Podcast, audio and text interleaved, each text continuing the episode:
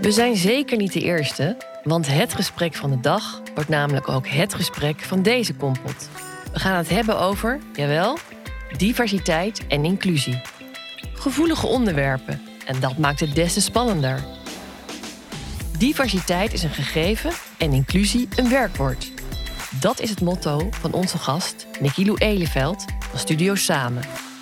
Leuk dat je weer luistert naar Kompot, de communicatiepodcast van SRM en Babbage Company.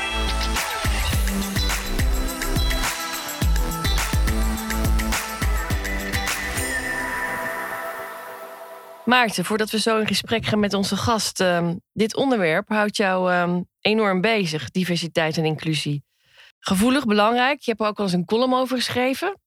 Hoe kijk jij naar deze onderwerpen?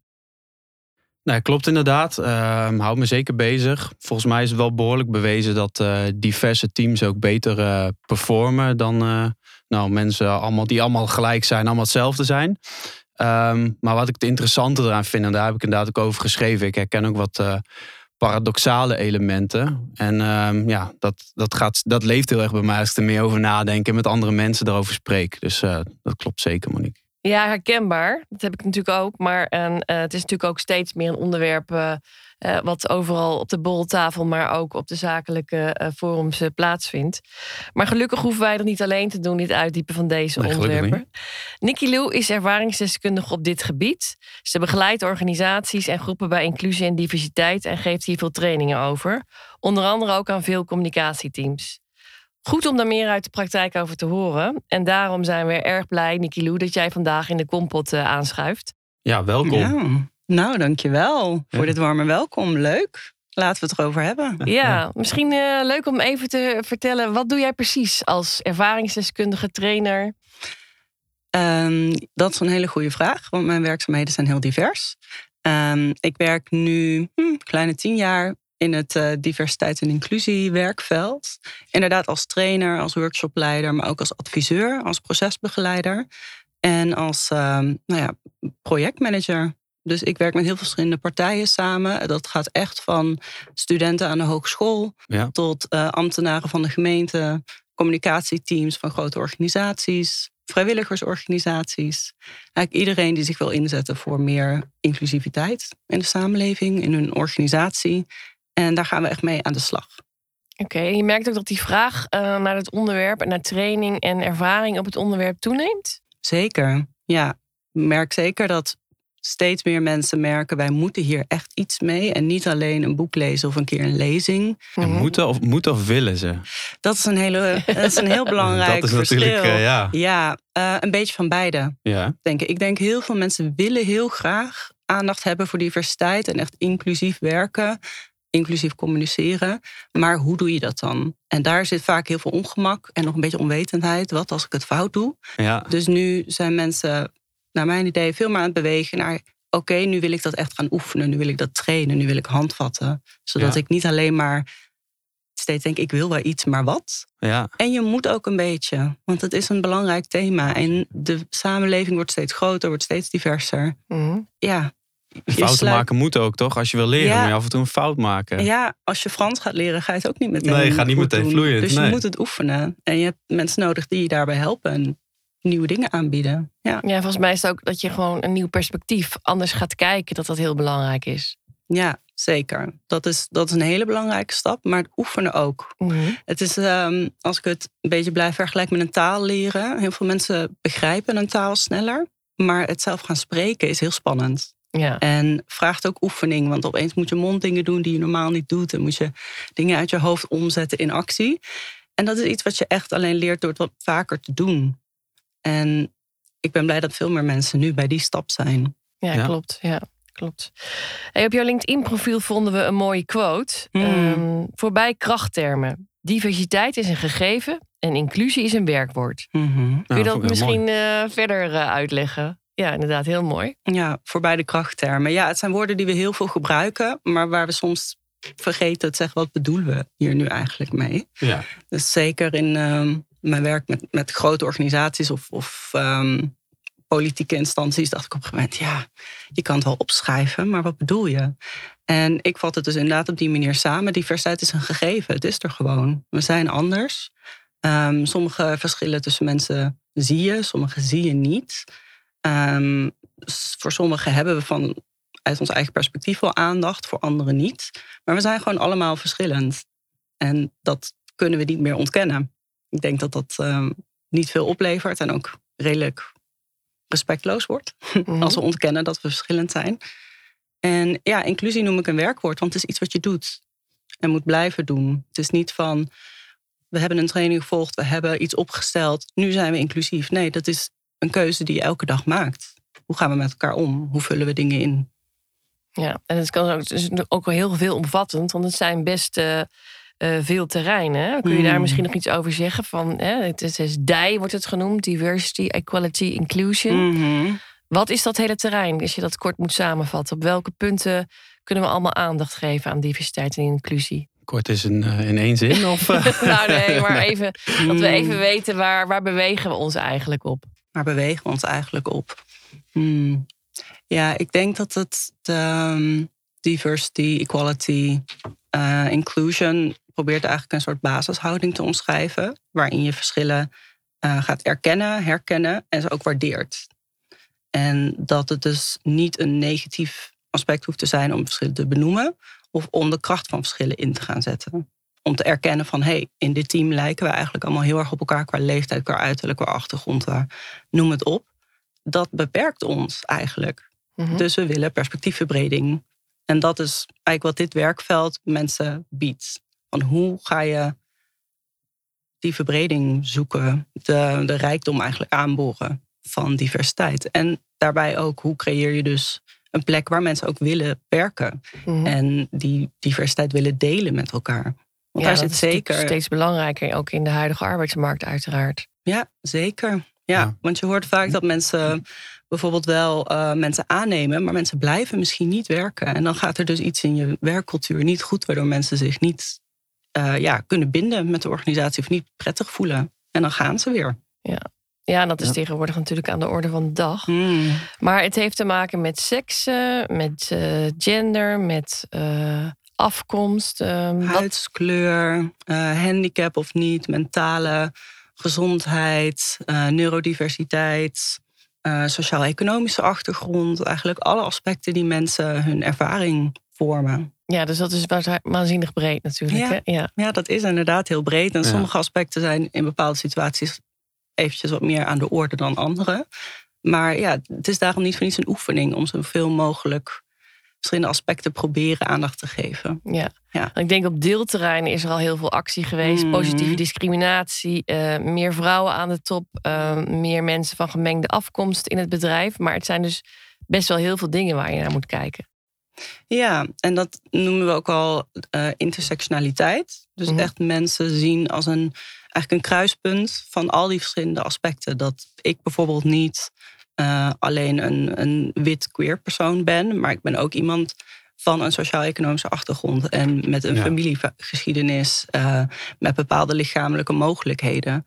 Uh, en dat is soms een beetje vechten tegen, tegen stereotypes die we hebben. Ja. Dat als we toch denken aan hoe ziet een nieuwe Nederlander eruit, of hoe ziet een receptionist eruit, dat we toch een beeld vormen direct en ja, jezelf blijven uitdagen om dat beeld toch bij te stellen. Of toch te denken, oh maar wat nou als dat een, een zwart queer persoon van 50 is die in een rolstoel zit. Ja, precies. Dat is even heel wat anders. Hoe gaan we daar, ja, moeten we daar dan iets extra's voor verzorgen? Of hoe zorgen we dan dat die persoon zich prettig voelt hier? Ja. ja. Ja, ik vind daarom dit gesprek ook heel fijn, omdat ja, ik zie het. Uh, gebrek aan inclusie in de, in de maatschappij. En, maar goed, ik ben dan een, uh, een witte, heteroseksuele man, hoog opgeleid, uh, geboren in Nederland. Dus ik zie het, ik hoor het, maar ik voel het zelf natuurlijk niet. Dat, ik heb altijd ervaren dat. Ja, ik heb me nooit buitengesloten gevoeld. Of, dus, dus daarom vind ik het ook wel. Ja, dit gesprek, volgens mij begint het daar ook mee, om dan met elkaar over in gesprek te gaan. En je eens in kunnen beelden van hoe is dat nou als je dat niet ervaart, zeg maar. Ja, ja dat is ehm, denk ik een heel belangrijk startpunt. Ja. Dat sommige mensen heel ongemakkelijk vinden om te erkennen van ik heb gewoon bepaalde ervaringen niet. Nee. En dat daar kun je niet altijd wat aan doen. Nee. Maar het is wel uh, beperkend soms voor je perspectief, voor bepaalde doelgroepen willen bereiken. Dus Ja, dat is denk ik de eerste stap om te kunnen benoemen: hé, hey, wie ben ik? Oké, Ja. dit is mijn perspectief. Dan zie ik gelijk waar ik nog meer rijkdom kan halen of wie ik wil betrekken. Nou ja, het is denk ik gewoon belangrijk om je te verdiepen en, eh, in, in het perspectief van die ander. Dat zie je bij heel veel discussies in de maatschappij. Je benadert die discussies vaak vanuit je eigen perspectief. Eh, en dan snap je het niet of wil je het niet zien. Terwijl als je je toch even verplaatst in die, in die ander.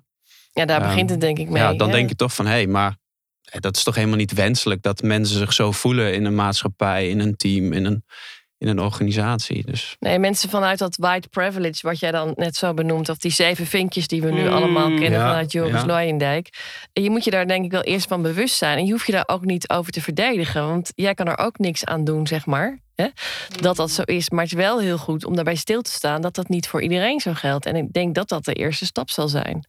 Ja, zeker. En Eigenlijk een beetje over dat ongemak heen. Ja. En, en jezelf benoemen als onderdeel van diversiteit, want dat ben je wel. zeker. Ja. Dus Ja. eh, we kunnen zeggen, ja, je behoort voor heel veel aspecten tot de norm. En dat zorgt ervoor dat je bepaalde ervaringen niet herkent, die anderen wel hebben. Maar Ja. ja, ja ik vind het soms een heel makkelijk voorbeeld als jij. Morgen, ik, ik hoop het niet, maar als jij morgen een ongeluk krijgt en Ja. je bent de rest van je leven rolstoelgebruiker, opeens ga je de wereld heel anders Ja, ervaren. heel ander perspectief. Dus dat, we zijn er allemaal een onderdeel van. We veranderen continu. Ja. Ja. Ja, gek gezegd, je ziet het al. Ja, mensen in mijn eh, eh, kennissenkring, als ze een blessure hebben, ze zitten in een rolstoel, worden ze al anders benaderd, zeg Ja. maar, dan wanneer ze staan. Dat is echt iets heel bizars. Eigenlijk Ja, zou het een eigenlijk een hele dag- goede ervaring. Een hele goede ervaring. Ja, je zou gewoon eens een dag in een rolstoel moeten gaan zitten. Ja. Hmm. Ja, zo hadden wij een collega ehm, die heeft MS. En die heeft Ja. ons ook een keer een workshop gegeven. En toen moesten we allemaal eh, kleding aandoen, handschoenen en Hmm. allerlei objecten. Waardoor we een beetje konden voelen hoe hij in zijn lichaam zat. En dat was ook een hele goede ervaring. Als je met al die dingen aan even een stukje moest typen, was je na vijf minuten al uitgeput, zeg maar. En dan Hmm. besef je hoe hij dat eh, op dat moment heeft beleefd. En dat, ja, dat maakt je dus heel bewust. En ik denk, daar begint het bij, bij een bepaald bewustzijn. Is er ook nog iets met generaties, Niki Lou, wat we hierbij moeten meenemen? Ja, ik denk wel. mm, ja, wat ik eerder al zei, de wereld verandert continu. Ja. En ook hoe we communiceren met elkaar en via welke kanalen. En ik denk dat algemeen bekend is dat ja, jongere generaties enorm veel ehm, op diverse media consumeren, zelf ook dingen plaatsen. Ja. En daar misschien veel bedreven in zijn dan hun ouders of hun grootouders. Maar zij zien dus ook andere dingen. Zij zien veel meer perspectieven van andere delen van de wereld. Maar aan de andere kant soms ook weer minder. Omdat bijvoorbeeld algoritmes je enorm ja, zeker. eh, aanbieden wat je zelf wil. Ja. En dan is het makkelijk om te denken... het grootste deel van de wereld lijkt op mij en is het met mij eens. Ja, dan krijg je Dus- die bubbels. Ja. Dan krijg je Ja, en die dus pola- het is- polarisatie natuurlijk. Ja. Ja, ja ehm, het is onrealistisch. ja.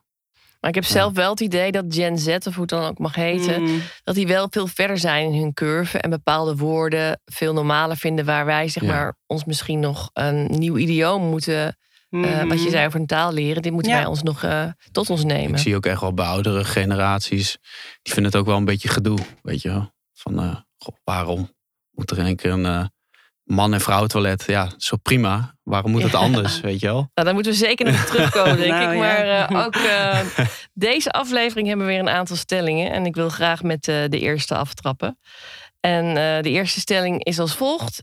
Streven naar een inclusieve organisatie is een utopie. Streven naar een inclusieve organisatie is een utopie. Ja, want dan is de vraag... wanneer ben je 100% inclusief? Ja, dat denk ik ook. Ja. Van, En wie bepaalt dat? Ja, Als ik het zeg, is het dan zo? ook? Mhm. Ja, ik denk, ik denk dat daar wel een, eh, een kern van waarheid in zit. Ik denk dat je, Ja. dat je eigenlijk moet erkennen dat je nooit helemaal tot die 100% komt. Want er zullen altijd situaties zijn. Er zullen altijd mensen zijn waarin je merkt dat je net niet alles hebt kunnen overzien. We zijn geen eh, supercomputers. Dus we gaan altijd blinde vlekken hebben. We gaan altijd vooroordelen hebben. Mhm. En daar kun je jezelf in uitdagen. Maar om te denken dat we daar 100% van afkomen en dat 100% altijd goed doen, dat is een beetje gevaarlijk ook. Ik ken organisaties, ik ben wel eens geweest bij organisaties die dan een heel mooi beleidstuk hebben geschreven, die hebben wat trainingen gedaan. En dan laten ze het. Denk ik, oké, maar waar is je jaarlijkse check-in? Hoe Ja. weet je of mensen dat ook echt ervaren? Ja. Dus dat is. Het Hoe is, hou je het is op de be- agenda? Ja, Ja. ja, het is een aandachtspunt wat je eigenlijk ja, in de aandacht moet Wat je houden. zei, hè, een werkwoord. Ja. Het is een werkwoord, ja. Ja, het is niet eenmalig. Het, eh, Nee, je kan één keer naar de sportschool gaan. ja, Eh, dan heb je wel heel veel spierpijn. Hè? Heb je heel veel spierpijn, maar ja, je moet het onderhouden. Ja, precies. En daarom zie je ook wel dat er nieuwe functies ontstaan. Zoals een die-manager of iemand eh, die daar echt voor in de organisatie wordt aangesteld om het waarschijnlijk op de agenda te houden. Ja, zeker. Maar misschien is het streven wel eh, heel mooi, maar het bereiken, dat, eh, dat kan de utopie zijn. Omdat we ook steeds weer nieuwe dingen, de- hè, een organisatie verandert, er komt nieuw Mhm. personeel. Dus je hebt nooit een continuum eigenlijk. Nou ja, het is zo inclusief mogelijk. Ja, Zeggen wij zijn een inclusieve organisatie is eigenlijk zegt niet per se iets. Je kan zeggen wij werken zo inclusief mogelijk of wij willen zo inclusief mogelijk. Ehm, ja, ja. Zijn. Want waar ik ook wel eens mee worstel is wat ik ook eh, net aangaf. Van ik, ik zie ook wat eh, paradoxale elementen erin. Van, Mhm. ik schreef er ook een, eh, een column over, zoals Monique al aangaf. eh, met de inclusie-illusie vraagteken. Ehm, en want de afbeelding die ik bij dat artikel had ge- geplaatst, er was een, een, een bankje met allemaal diverse geschilderde personen erop. En er stond bij voor op deze bank is plek voor iedereen. Mhm. En toen ging ik in één keer doordenken. En toen dacht ik van ja, maar er zijn ook groepen die vanuit overtuiging bijvoorbeeld niet na, naast een homoseksueel iemand willen zitten. Mhm. En hoe ga je met dat soort tegenstrijdigheden dan om? Bijvoorbeeld iemand die een aanvoerdersband met regenboogkleuren niet wil dragen. Dan denk ik van ja, in een inclusieve ehm, maatschappij zou er ook plek moeten zijn voor mensen die misschien anders denken. Maar als dat weer heel radicaal ingaat tegen jouw inclusieve gedachten. Dat is dat toch ook. Snap je, snap je mijn, mijn, mijn Ja, ik dubbele snap het, ja. gevoel erbij? Ja. Hoe snap kijk jij daar tegenaan? Nou, ehm, dan kom ik dus gelijk op inclusieve gedachten. Ja. Het gaat erom wat doe je. Ja, Want ik kan andere opvattingen hebben dan jij, maar het gaat erom hoe ik jou behandel. ja, En eh, daar kun je wederzijds respect over hebben. ja, Ehm, maar dat is soms een lastige afweging, dat klopt. Ja. Want als je twee personen bent, ehm, los van je positie op werk, dan is dat iets anders dan dat een directeur tegenover. Of dat de teamleider tegenover een medewerker. Want daar zit ook een bepaalde verantwoordelijkheid in. ja. Een bepaalde representatie van de organisatie. En dan moet je soms de organisatie representeren, niet jezelf. Nee, Mhm, klopt, ja. nee. En dat is, als je het hebt over de aanvoerdersband, dat is een heel interessante eh, discussie, laten we het even zo noemen. Ja, Van wie representeert die persoon hier Ja. eigenlijk? Ja. Is dat zichzelf ja. eh, of is dat de organisatie? En daarbij, het is geen regenboogband, lieve mensen. Nee, dat, maar dat was wel het idee erachter. Nee. Ja, nee, dat Ja. is, nee het Ja. idee is, Het was veel sport breder. voor iedereen. Ja, maar dit is dus ook hoe het wordt gecommuniceerd, Ja. hoe het wordt geframed, is Ja. eh, iemand zegt nee tegen een regenboogband. Maar het is dus eigenlijk niet zo zwart-wit. Nee, eigenlijk hetzelfde met die toiletten. Want ik zag eh, toevallig eh, laatst die documentaire over het Stedelijk Museum. White Balls on Walls. Prachtige titel alleen al. Maar dan ging het bijvoorbeeld ook over de toiletten. Daar zag je ook eh, dat bordjes man-vrouw werden verwijderd. En een beveiliger, iemand van de facilitaire dienst, zei... Ja, ja, we hebben nu alleen nog maar transgender toiletten. Ja, zie je hoe belangrijk communicatie is. En het inlichten van je personeel, zodat mensen weten waar heb je het over. ja, precies. Maar het is een heel mooi voorbeeld inderdaad. Dat veel mm, organisaties dan worstelen met doen we man-vrouw toiletten of alles genderneutraal. Terwijl er zijn nog vijf andere mogelijkheden te bedenken... waardoor iedereen prettig gebruik kan maken van toiletvoorzieningen. Het is is niet alleen eh, of-of. Nee, precies. Het moet dus ook weer veel diverser. Dat iedereen Ja, een keuze kan hebben. Diverser denken ook Ja. misschien. Maar het ook uitvoeren in die zin dan. Als het alleen toiletten voor transgenders zijn, is wel rustig waarschijnlijk. Is er wel Nou, ik altijd denk plek. dat er dan ja. problemen komen. ja. Het is goed misschien om naar de volgende stelling te gaan, Maarten. ja, diversiteit en inclusie werken positieve discriminatie in de hand. Positieve discriminatie is eigenlijk een term die tegenstrijdig is in zichzelf. Ja, Maar eh, ja, ga je gericht op zoek naar mensen met bepaalde ervaring, bepaalde expertise, bepaalde, acht- bepaalde achtergrond. Wat we eigenlijk altijd doen als we nieuwe collega's zoeken. ja, Maar nu waarderen we ook ehm, ervaringsdeskundigheid meer dan alleen opleiding of Ja, eh, werkervaring. Ja. Dus we, ja, we selecteren soms op andere dingen, omdat we diversiteit als kracht zijn gaan zien en weten van nou, we willen verschillende mensen. Dus is dat positieve discriminatie? Of zijn we anders gaan selecteren? Hoe zie je dat dan met die quota die sommige organisaties instellen? Van ja, we willen per se zo. En niet alleen de organisatie, het is nu wettelijk geregeld voor uh, ook op uh, raad van bestuurniveau. Ja. ja. Voor vrouwen dan althans. Ja, precies. Um, ik denk, ik zie dat graag als een stok achter de deur. Ja. Want het is nu eenmaal zo dat we graag ons omringen met mensen die op ons lijken. Die het met ons eens zijn. Want daar voelen mensen zich prettig bij. Of zo van, ik heb gewoon een goed gevoel bij jou. Of wij denken hetzelfde. Of we hebben dezelfde humor. Dan hebben een klik. We hebben een klik. De klik. Die, die je binnen een half seconde met iemand voert, uh, voelt. Mm, Zo'n quota kan helpen om mensen ja, eigenlijk te dwingen om daar voorbij te kijken. En niet net als anoniem solliciteren. Om niet te denken van, oh, die doet me denken aan die persoon waar ik een hele positieve associatie mee heb. Of, oh, die naam, daar heb ik een negatieve associatie bij. Want dat beïnvloedt vaak ja, onbewust de keuzes die we maken. Ja, dat, die geloof, quota, ik, ja, dat geloof ik wel. Die helpen in die zin wel om echt diverser te worden. mijn gevoel is ook wel dat er een soort van samenstelling soms wordt nagestreefd, wat geen afspiegeling is, bijvoorbeeld van ehm, hoe dat vakgebied of die branche eruit ziet qua wat er van scholen af is gekomen, bijvoorbeeld. En dan, dan ga je misschien iets forceren wat er niet is. Ja, maar soms moet je ook dingen forceren om het te veranderen. Ja, denk ook wel. Want het, we zien het ook al met vrouwen aan de top. Het duurt al zo ongelooflijk lang als we het op zijn beloop laten. Gaat gewoon niet vanzelf. Het all boys netwerk, dat is toch nog wel dat heel is krachtig. Niet goed. Ja, ja, dat is ook heel krachtig. Maar ja, die quota die moeten ook niet op zichzelf staan. Dat is het een beetje. Net wat ik eerder ik dus zei, ook. als je mensen binnenhaalt, dan moet je ze ook binnenhouden. Ja. En als je niet een inclusieve werkomgeving nastreeft, dan gaan die mensen ook echt wel weer weg. Maar als je bijvoorbeeld zegt, mm, van bepaalde opleidingen komen vooral uh, uh, mannen. En we willen meer vrouwen in die opleiding, dan moet je ook zorgen voor meer uh, aandacht voor vrouwen op die werkvloer. Uh, meer meer representatie. Mm, dat je niet de enige bent in een organisatie die een vrouw is. Waardoor ja, je denkt, krijg je die nee, excuus weer. Ik denk toch wel dat er ook wel... Hmm. Um, en dan even heel zwart-wit hoor. Maar het heeft natuurlijk ook wat te maken met... Um, nou, het is altijd gevaarlijk, hè? maar wat je ziet als je gewoon buiten kijkt op straat, stratenbakers zijn vaak meer mannen, in de verpleging zie je Ja. meer vrouwen. Het is ook Ja. een beetje wat misschien wel natuurlijk is. Hmm. Of, is, of zeg ik nou iets? Ja, ik zeg ook, hij is gevaarlijk, hè? Ja, maar ik wil hem er wel even vaak, ingooien. Dat zijn vaak de goede om te doen. Ja, eh, Ik geloof in gelijke kansen, maar ik zie niet iedereen is gelijk. Dat wil ik er Nee, eigenlijk mee aangeven. Nee, dat is precies. We zijn niet allemaal hetzelfde, maar we zijn wel gelijkwaardig. Dat Ja. is eh, denk ik de kern.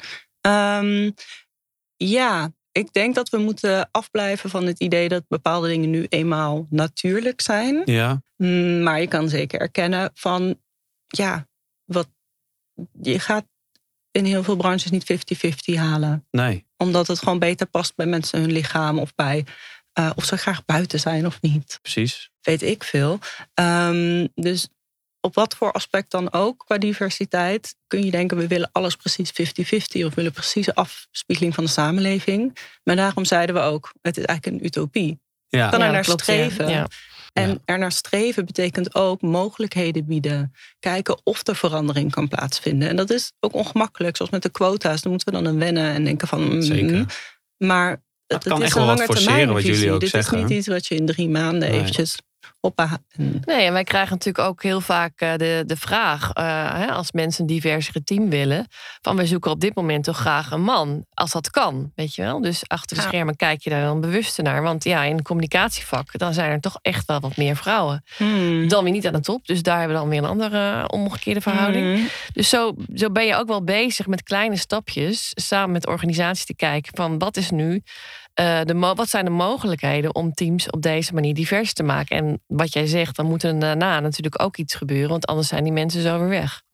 Ja, zeker. En het is heel belangrijk om aan te geven waarom je die mensen zoekt. Ja. Omdat het, ja, alleen Ja. zeggen, oh we willen graag dit, is iets anders dan uitleggen van wij streven ernaar om zo breed mogelijk perspectief neer te zetten. Ja, maar dat zie je natuurlijk op alle Ja. websites nu bijna bij. Zeker bij Ja. eh, overheidsorganisaties, semi-publieke organisaties en ook al bij commerciële organisaties. Want iedereen beseft in deze war on talent dat Hmm. mensen dat heel erg belangrijk vinden. Maar je moet het natuurlijk niet alleen aan de poort waarmaken, Precies. maar in het hele bedrijf. Precies. Ja, maar hier hebben we dus ook nog een eh, stelling over. Hè? En de volgende is ook eh, interessant voor onze luisteraars, eh, Monique. Oké, dan zal ik die even oppakken. Ehm, communicatie heeft een vitale rol in het bevorderen van inclusie. Ja, Dus Wel er ligt best wel een mooie wel taak. duidelijk, Ja, duidelijk. Maar er Ja. ligt een mooie taak dus voor communicatieprofessionals. Zeker. Ehm, alles staat of valt met de communicatie. Ehm, ik bedoel, taal creëert onze wereld. Als ik zeg hoe ik heet, dan heet ik zo voor jullie. Dus Ja. dan is dat gewoon een feit. Eh, en het voorbeeld wat je net noemde over het Rijksmuseum, als dan vaak zegt: dit is het transgender toilet. Ja, dat is gewoon. Dat doet meteen iets met beeldvorming, met associaties. Dat, daarom is het zo belangrijk om ja, mensen te oefenen in bepaalde communicatie. En ook om communicatie zelf te oefenen, zodat je mensen aanspreekt, zodat je doelgroepen aanspreekt. En zeker mensen die buiten de norm vallen, die zijn daar heel gevoelig voor. Die weten meteen als een organisatie ja, aan het bullshitten is. Ja. Ja, en communica- de communicatiefunctie heeft natuurlijk intern ook een, eh, een grote functie. Van, van, En daarom is het heel belangrijk. ehm, en dan ben ik ook heel blij met het werk wat ik bijvoorbeeld doe bij Studio Samen. Is dat het echt gaat over, het moet niet over mensen gaan, maar met Nee. mensen. Ja. En als je die mensen niet in huis hebt, dan zoek ze op. En wat wij bij Studio Samen bijvoorbeeld doen, is dat we mensen aanbieden om focusgroepen eh, te organiseren. En ook Ja. al de trainers die bij ons zijn aangesloten, zijn heel divers. Om echt te zoeken naar mensen met die ervaringen. Om je communicatielijnen, je producten, je visie te beoordelen. Want ja, dan Heb je daar misschien een, eh, echt... een mooi voorbeeld van die je bent tegengekomen? Ehm, bijvoorbeeld dat, een, ehm, dat er allerlei foldermateriaal wordt aangeboden aan inwoners van een bepaalde stad. En dat daar dan alleen maar witte mensen in staan. En dan Ja. denk je, wonen er alleen maar witte mensen? ja, Eh, of dat het alleen maar ehm, mensen van een bepaald bepaalde leeftijdscategorie is. Ja. Dat ik denk, wonen er geen ouderen in deze stad? Moeten die ook niet weten hoe ze hun vuilnis moeten scheiden? Weet je wel? Nee. ja. Eh, of ehm, ja, dat je denkt, ik zie mezelf niet terug. Of ik zie de mensen om me heen niet terug. Dus ik voel me niet aangesproken. Nee, ik denk dat je daar de laatste tijd al wel heel veel progressie in ziet. Want in allerlei reclames zie je steeds meer samengestelde gezinnen, eh, diversiteit. Ja. Hè?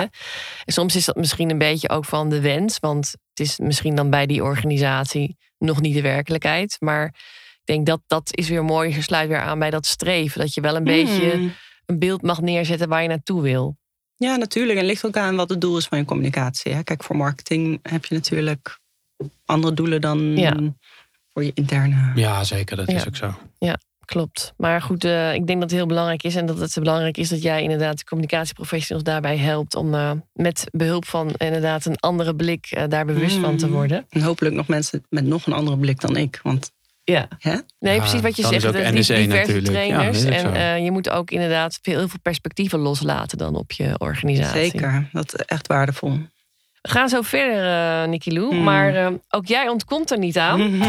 Eh, dat is even niet zo handig. Oh nee. Oh, dat had ik beter niet kunnen doen. Eh, sorry baas. Crisis. In communicatie.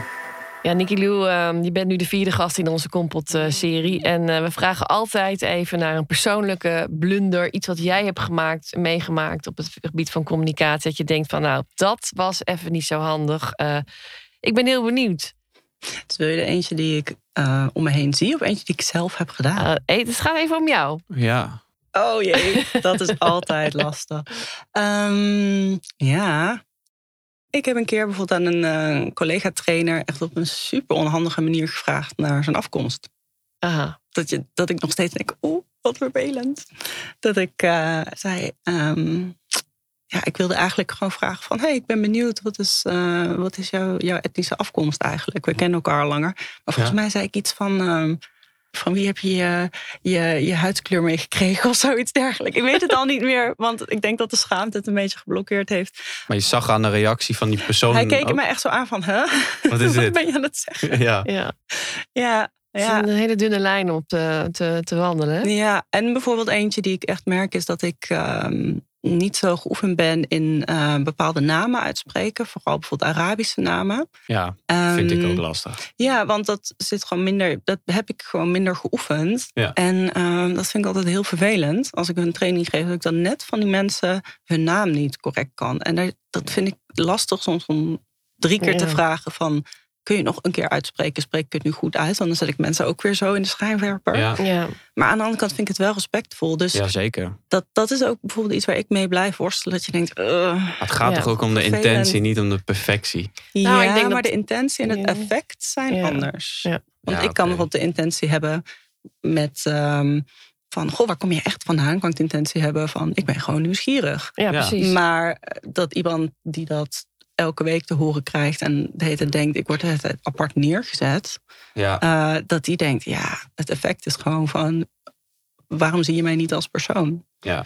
Ik vergelijk het vaak een beetje met, nou, als je het hebt over namen. Als jij tegen me zegt hoe je heet en ik blijf jouw naam maar fout schrijven, of ik blijf jouw naam maar fout zeggen, dat je op een gegeven moment denkt, je hebt gewoon geen aandacht voor mij. Nee. Je vindt me niet belangrijk. Nee. Ik heb dat al als mensen Monique met een K schrijven. Dan denk ik, Nou, ja, kan je dat, nagaan. Ja, dat Ja. is niet zo. Kan je nagaan, ja. Ja. Ik krijg mailtjes met Martijn, Martin. Ja. Ja, We hebben een collega die heet Iwij. Nou, je wilt niet weten wat daarvoor eh, variaties op mogelijk zijn. ja. Eh, ik denk dat het tijd is voor een nieuwe stelling, Maarten. Ja, we hebben het al wel even aangeraakt eh, eerder, maar ehm, de stelling is: in- inclusieve communicatie is geforceerd en niet authentiek. Ja. Geforceerd voor wie? Wie vindt dat geforceerd?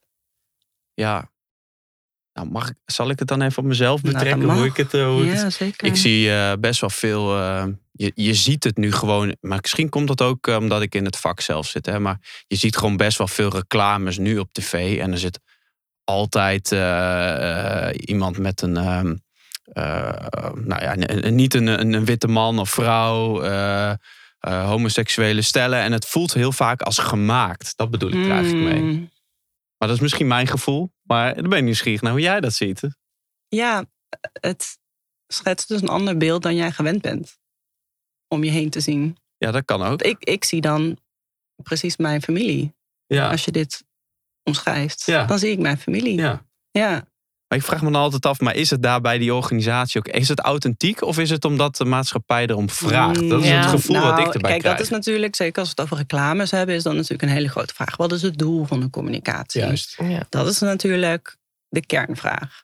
Ehm, natuurlijk hebben, willen zij verkopen. Willen Ja. zij Ja. dat mensen zich gezien en gehoord voelen en dus denken: oh, ik verbind me met dit merk. Natuurlijk. Ja, je dus daar je zit een doelgroep doel achter. aanspreken. Ja. Ehm, ja, wat ik dan vooral ehm, waardevol vind, is net als taal, beelden vormen je wereld. Dus Ja. hoe meer jij blootgesteld wordt aan beelden van diverse gezinnen, van diverse mensen, hoe normaler dat wordt. Ook als je ze niet in je directe omgeving hebt. Ja, precies. Dat gebeurt natuurlijk ook al in kinderboeken. Dat eh, daar Ja. nu gewoon echt heel veel andere dingen eh te sprake komen. En dat sommige mensen dat ook heel eng vinden. Hè. We- Jip en Janneke, ehm, ja, je komt ook op taalgebruik, moet het aangepast worden. Mm. Want dat is heel erg outdated. Maar in nieuwe kinderboeken zul je allerlei samengestelde gezinnen zien. Ja. En eh, ik denk dat dat voor kinderen heel fijn is. Want anders heb je altijd het idee, dit klopt niet met hoe het bij mij is. Ja, dus eigenlijk wat jullie zeggen is ook de externe communicatie naar buiten toe.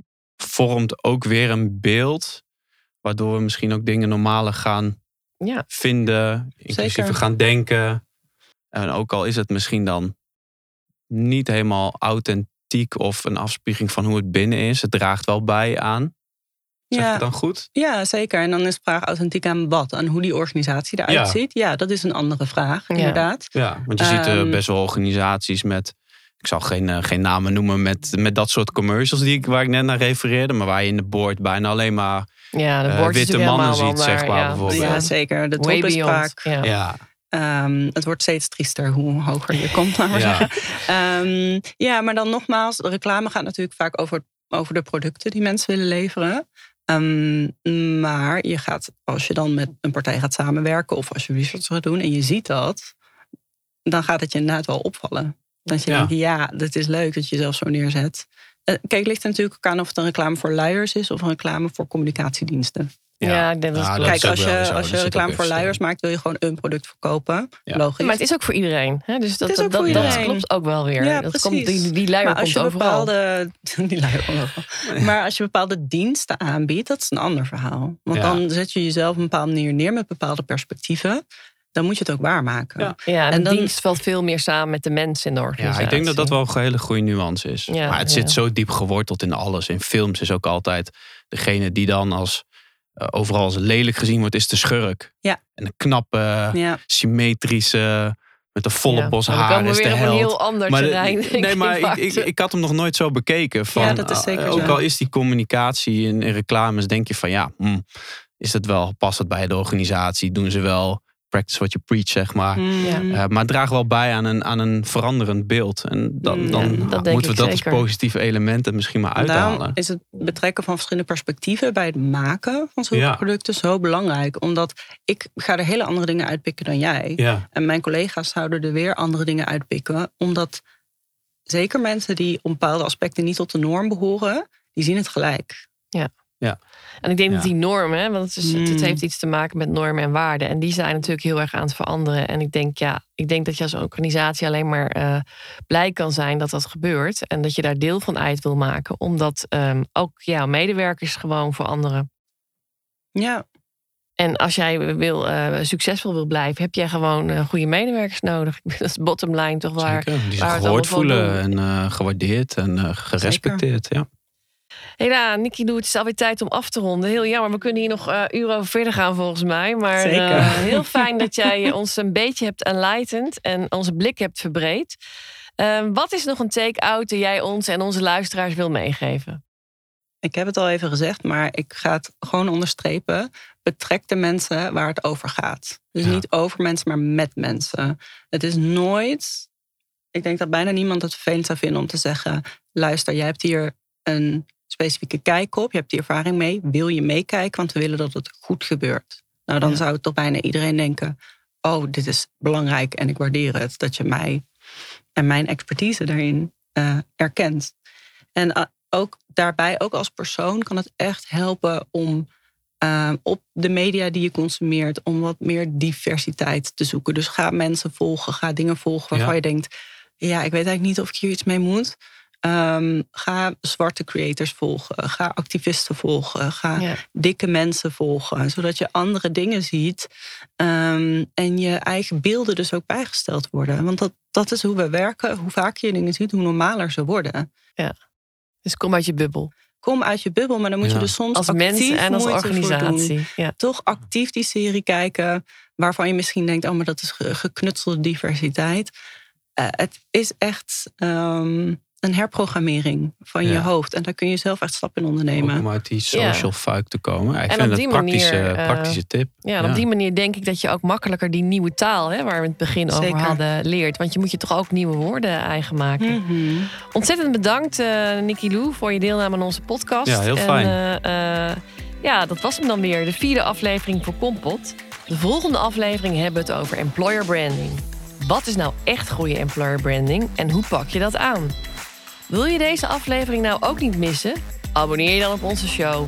Zelf meepraten kan natuurlijk ook. Check kompot.nl. Tot de volgende keer.